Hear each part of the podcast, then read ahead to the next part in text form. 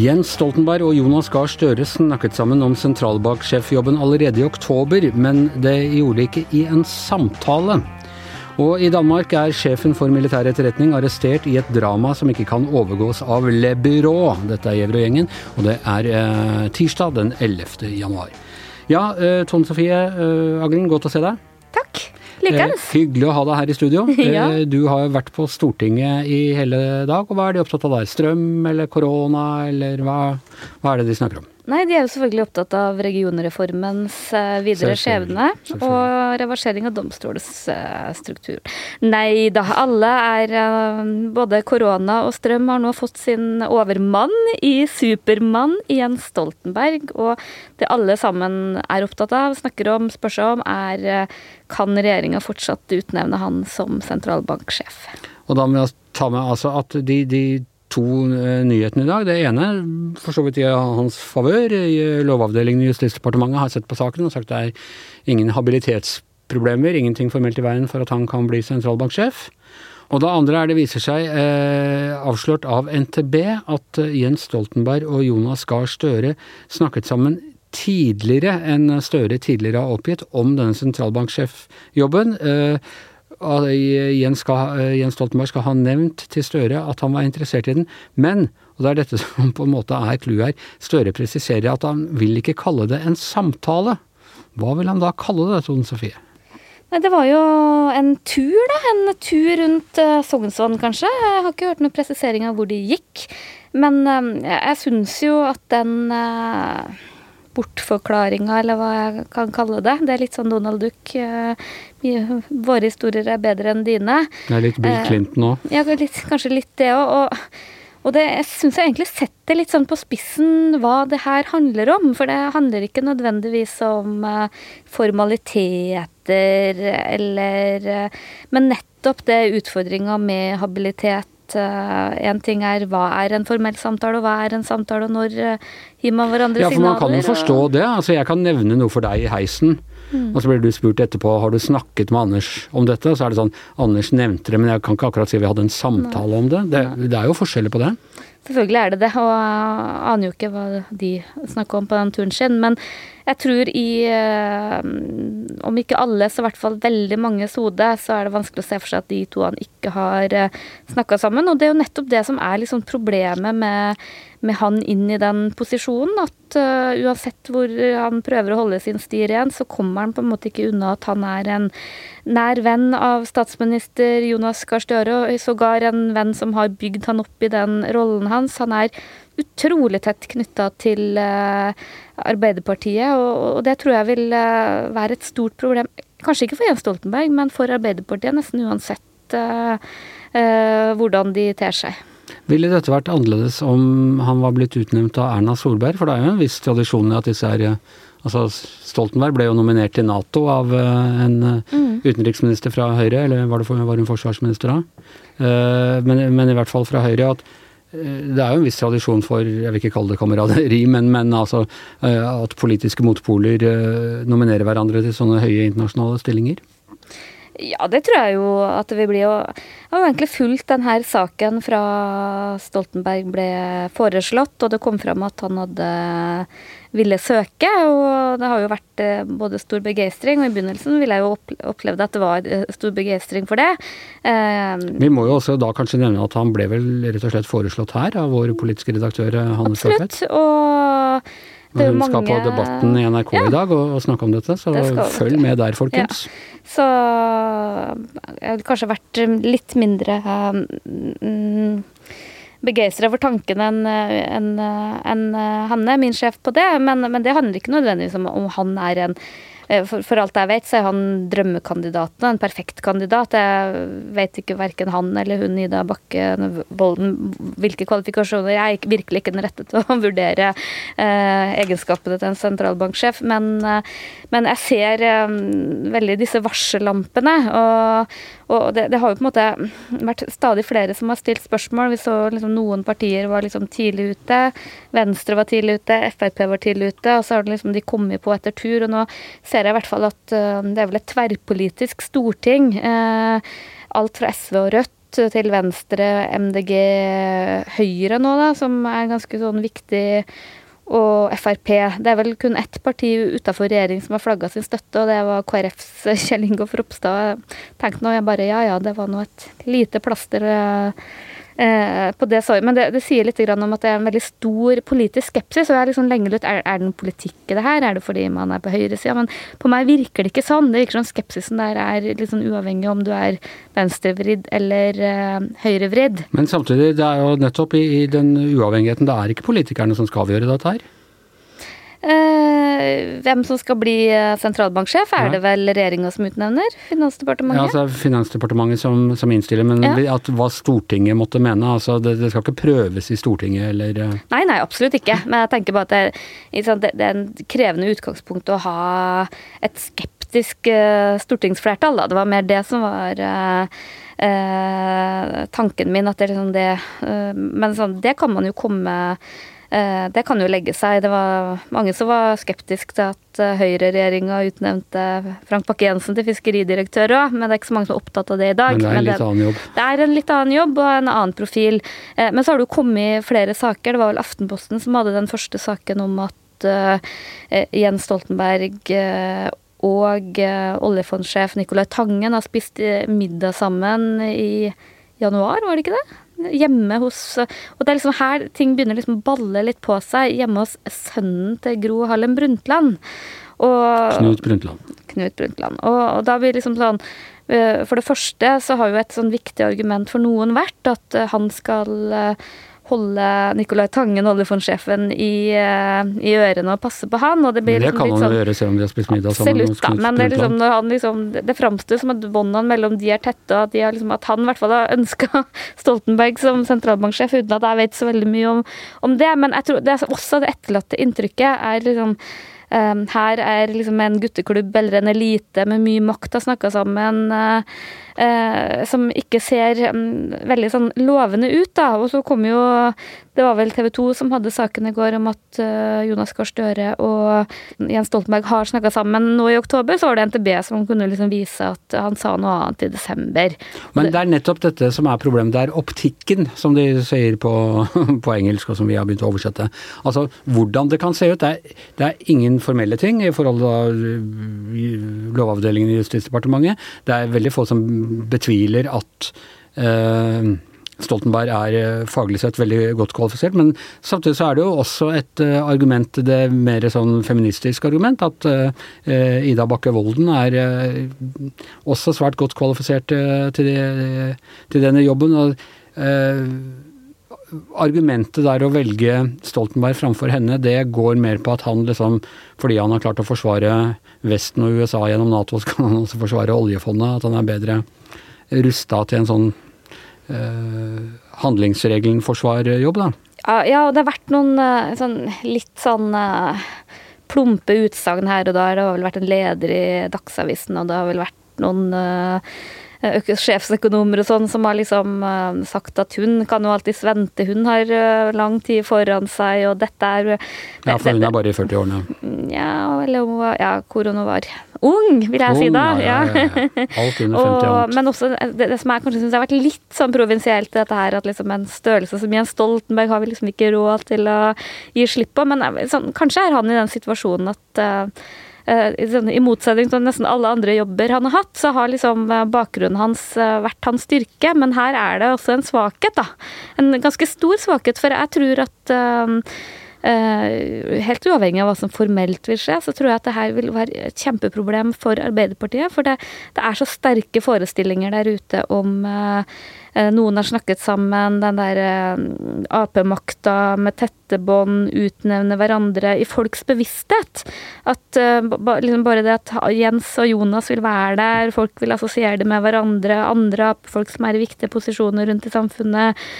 nå jeg, jeg tror jeg på en måte vil spille veldig sånn tilbake på dem. og særlig det, det, gjør det ikke enklere at de liksom har vært en regjering som er veldig opptatt av vanlige folk, elitene skal Forbud mot eliter, nærmest, og alt det der, og det ja, Det var jo riktignok eh, Vedum og, ikke, eh, og ikke Jonas Gahr Støre. Nei, det skal, det skal, ingen beskylde Jonas for Nei. å ha ønska et forbud mot. Men, men, jeg tror det blir vanskelig for dem på mange vis. Men samtidig, da, og det er jo liksom det spørsmålet jeg stiller meg nå, at Altså, det er veldig vanskelig å se for seg at regjeringa faktisk tør å utnevne han med alt det som har kommet fram og all den uklarheten og det som vil komme. Men jeg har også veldig vanskelig for å se for meg at de skal vrake han og, og nærmest stille han i forlegenhet. Fordi mer eller oppfordret han til å søke? Ja, de har jo ikke bare mer eller mindre, de har oppfordra han eh, til å søke.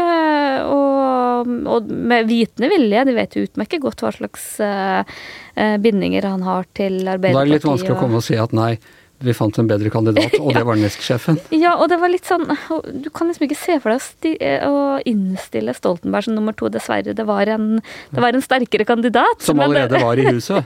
men, Han er nå kommet til annen, Nei, det viser seg liksom at uh, amerikanske sentralbanksjefen har søkt, men, uh, men det kom... sånn, Vi har vel alle fått avslag på jobbsøknad en gang hvor det står at vi oppfordrer deg til å søke en annen kan ta vare på CV-en din og sånne ting. Nei, så det, For meg framstår det veldig nesten som en sånn uløselig floke som uh, regjeringen regjeringspartiene sitter med der. Og jeg lurer, skulle veldig gjerne vært på innsiden av uh, disse, om det er i Finansdepartementet eller SMK eller hvor de nå sitter og lurer på hvordan de skal komme seg ut av det her. Apropos det, det er ny meningsmåling i dag uh, i VG. Ja, og den gir, eh, som ventet, ikke akkurat eh, regjeringa noe veldig mye mer grunn til å juble. Og det er jo liksom ingenting som har tilsagt at eh, nå snur det. Nå, nå er det lysere tider. Det er det i landet, men ikke nødvendigvis for regjeringa. Det er jo et uh, uh, tar jeg bare fra husken her, men jeg tror det var uh, Arbeiderpartiet lå vel på 23,5, Høyre på 25,5. og nedturen fortsetter jo for Senterpartiet, som for første gang hos oss siden medio 2018 er på ettsifra beløp på 9,8 åtte. Så Men det er først og fremst Senterpartiet som tar smellen her, mens Ap ligger omtrent der de lå? Ja. Sist uh, forsøkte Senterpartiet å gå litt lenger ned. og det viser at de sliter kraftig med begeistring. Arbeiderpartiet ser ut som det kanskje har stabilisert seg litt mer når du ser på bakgrunnstall og lojale velgere, mens Eh, Senterpartiet virkelig har eh, mista sine egne velgere, da. Så, Men det er klart at hvis eh, Senterpartiet hadde vært i regjering i fjor, så hadde ikke denne middagen til Knut Brundtland og Jens Stoltenberg vært lovlig. så da, da, hadde ikke dette problemet, da hadde ikke regjeringen slitt med det problemet. Nei, det vet ikke jeg hvor mange det var lov å være på en middag i januar i fjor. Jeg, jeg tror antallet sånn smittevernmessig var for så vidt én ting. Det var dette med at eliten ikke skulle få lov til å møtes lenger. Når, Nei, Nå, men, ja. de, står jo, de, står jo, i mange kriser som de håndterer eh, dårlig. Jeg syns eh, hvordan de kommuniserer rundt uh, Eh, pandemien eh, ikke så veldig mye grunn til å være imponert over. Eh, det har vi vel snakka om mange ganger her. Også um, håndtering av strømkrisa. Jeg så bare at Gunnar Stavrum i Nattavisen? Ja, i Nattavisen sammenligna de med tyrkiske teppeselgere. Hvor det liksom nå liksom pruter på enda mer og enda mer penger. Så liksom de, de, sliter med de krisene de har. Det ligger noen sånn udetonerte bomber der, både med Viken og med med disse utenlandskablene, og så kommer, ligger den saken her. Så det er liksom ingenting som liksom tilsier at, eh, at regjeringa får lysere tider med det helt første, i hvert fall. Nei. Vi får se. Ting skifter fort i politikken, sier jeg som en ja, sånn mager trøst til ja. regjeringen her nå. Da skal vi over til en sak som er på en måte tatt rett ut av uh, spionforfatter John Le Carré, eller den derre franske Le Bureau. Eh, jeg vil si paret med den britiske komiserien The Office, uh, Astrid Mæland. Det er altså en helt utrolig sak for, fra Danmark, hvor sjefen for etterretningstjenesten i det danske forsvaret er blitt varetektsfengslet, siktet for å ha lekket hemmeligstemplet informasjon til journalister. Og det er jo altså når de hemmelige tjenestene eh, Vi vet jo fra litteraturen og, og filmer og sånne ting at de, at de krangler mye og, og, prøver å utmanøvrere hverandre, men, men når sjefen for etterretningstjenesten blir varetektsfengslet, da er det ganske alvor? Ja, Anders, jeg tror ikke jeg har hørt om eh, noen toppsjef i noen eh, vestlig etterretningstjeneste i hvert fall, som har blitt arrestert og sikta for, ha, eh, for landsforræderi, for å ha svikta landet sitt. Det er altså Lars Finsen, heter han. Han har vært ja, I 20-30 år så har han vært i toppen av både Politiets etterretningstjeneste, har vært sjef der. Han har jobba i Justisdepartementet i forskjellige sjefsstillinger. Og nå sist så leder han altså Forsvarets etterretningstjeneste. Eh, men nå nå har han altså sittet i fengsel i hele jula. Han ble arrestert 8.12. Ingen har visst om det i dansk offentlighet for det har vært topphemmelig, men i går eksploderte i media. Da kom navnet ut, og så viste det seg altså at det var selveste sjefen som har vært i flere år, da, antagelig. Han har vært utsatt for kontraetterretning. Har vært under overvåkning og avlytting fra sine egne folk. Det er Politiets etterretningstjeneste, en topphemmelig gruppe der, som har eh, holdt han under overvåkning. Så dette er jo mannen som da selv har sittet og avgjort hvem eh, myndighetene skal få, få overvåkes. Har han altså vært eh, overvåket selv. Han har vært tidligere sjef for Politiets etterretningstjeneste, altså den sivile delen, delen av eh, etterretningen. Og nå er det altså hans tidligere Den etaten han tidligere ledet, som har eh, etterforsket han. Jeg, får helt sånn Moskva-prosessene-aktig følelse her, ja. Ja, ja det, er, det, er, Politiets etterretningstjeneste, den sivile delen, som har, har etterforska nå. Og, og så sikta han. Men Eh, det er nesten umulig å si hva som egentlig foregår her. Det er jo eh, hemmelighetskremmeri uten like. I går så eh, måtte forsvareren hans eh, frakte eh, sakens dokumenter i en sånn metallkoffert med lås, en diger metallkoffert, fordi at de er så hemmelige. Og det er noe som heter dobbeltlukkede dører i retten i København. Eh, og det er altså slik at media har fått beskjed om at de òg kan straffes for å omtale hemmelighetsstempla informasjon. det er egentlig en ganske drøy sak sak som har foregått eh, ganske lenge, det her. Men det som skjedde før jul, omtrent samtidig som han ble uh, arrestert, uten at uh, offentligheten visste om navnet hans, så kom altså toppsjefene i PET og FE, som er altså disse to etterretningsorganisasjonene, og besøkte en rekke danske redaktører og sa at ting har lekka ut, klassifiserte opplysninger kommer på avveie, og det medfører straffansvar overfor journalister og media å viderebringe eh, slike fortrolige opplysninger. Så her er det sikkert eh, antagelig sånn at eh, media sitter og vet en god del mer enn det de kan skrive, og de er også da trua til taushet av de her etterretningsfolka. Og det ble jo omtalt før jul, og blant annet Viken-avisens Martin Krasnik, som er sjefredaktør i Viken-avisen, han skrev kritisk om saken, og det var flere medietopper som følte at det møtet var både intimiderende intimiderende og ubehagelig. Ja, det er ganske intimiderende og ubehagelig når du får beskjed, eh, beskjed fra, fra, myndighetene om at hvis du skriver om dette her, så blir du, blir du arrestert og straffeforfulgt. Og altså, Utgangspunktet er jo da ikke at han skal ha spionert til fordel for en fremmed makt, eh, som det heter, men at han skal stå bak lekkasjer til aviser og noen større avsløringer i danske aviser av bl.a. Eh, eh, dansk etterretningsforbindelse til amerikanske NSA, eh, som vi da kjenner til med Snowden og i det hele tatt disse som hadde ulovlig overvåket en rekke amerikanske borgere. Så det er, det er i utgangspunktet en veldig interessant eh, sak dette her nøster i.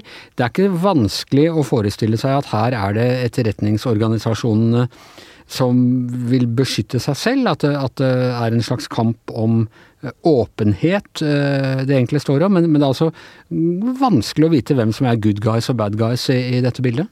Ja, Det er kjempevanskelig, og danske medier og på lederplass så beskrives det av berlinske tidene som en historisk krise for spiontjenestene. De spør rett og slett hva er det i virkeligheten som foregår. og Det er flere som beskriver en maktkamp, en mulig maktkamp mellom de to etterretningstjenestene, og en mulig maktkamp med, med statsministeren og departementssjefen. Um, det er kjempevanskelig å vite hva som egentlig har skjedd, men som eh, politikken, den danske avisen Politikken eh, pop-up peker på lederplass, så er det i alle tilfeller en, eh, en skandale. For e, enten så har man jo en eh, etterretningssjef som, som har brutt eh, loven, da, og som har lekka hemmeligstempla informasjon til, til, media. Eller så, så, er det jo en etterretningssjef som er stukket i ryggen av sine, sine ledere. Og vi vet, altså heldigvis har vi ikke et sånt lovverk i Norge. Jeg, jeg tror ikke myndighetene har mulighet til å pålegge journalister den type uh, munnkurv. Da må de eventuelt uh, prøve å straffeforfølge dem i ettertid for å, for å uh, for å ha brutt loven, men sånn At man, man kan ikke stille embetsmenn for retten i Norge og så eh, true med å straffeforfølge de som offentliggjør hvem det er som er stilt for retten, det er jo tatt rett ut av Stalins playbook. Så må jeg også si at i, i, Norge, altså vi hadde jo i sin tid for nå er vel det 25 år siden Lund-kommisjonens rapport, som viste at de forskjellige overvåkingsorganene hadde, hadde, drevet overvåking av venstreradikale aktivister og en del sånne ting. Uh, i den store sammenheng relativt uskyldig, selv om alle da gjerne ville se mappa si osv. Men det svekket jo de hemmelige tjenestene ganske kraftig den gang. En sånn sak må jo være egnet til å fullstendig underminere de hemmelige tjenestene i Danmark? Ja, ja absolutt. Det er jo det danske lederskribenter skriver, og akkurat det du sier, at det her er jo helt forferdelig. Eh, for, eh, for eh, tiltroen da, til etterretningstjenestene. og Det er det som er den store bekymringa i dansk politikk nå. At eh, samarbeidspartnere i vestlig etterretning og sånn ikke kommer til å tørre å samarbeide med, med danskene lenger, fordi de ikke er trygge på at hemmeligheter blir i etterretningsorganisasjonen, men at det lekker ut.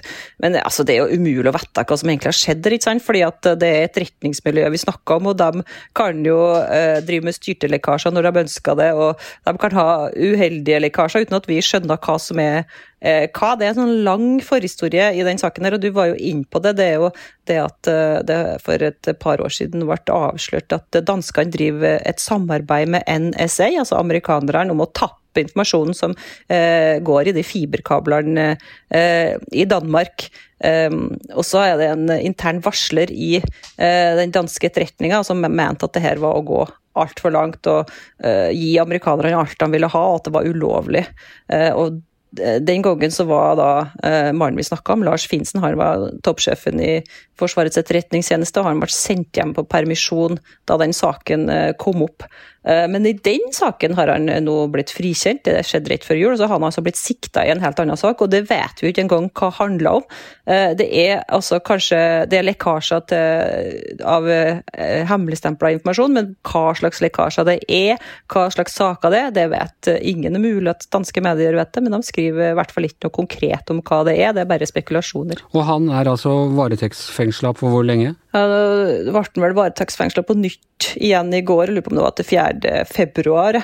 Eh, så det spekuleres jo i om, eh, om, ja, om eh, PET da, har fått noe på han, altså Politiets etterretningstjeneste, etter å ha holdt fire folk, tror jeg det, i en superhemmelig operasjon, der de har altså overvåka og avlytta han.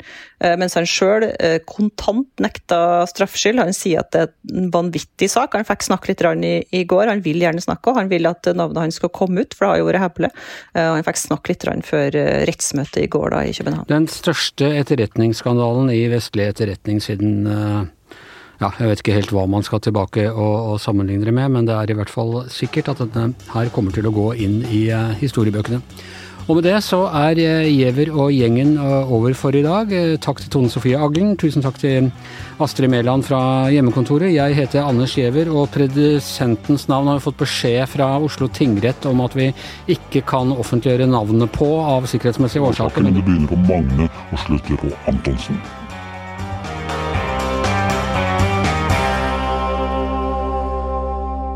Du har hørt en podkast fra VG. Ansvarlig redaktør, Gard Steiro.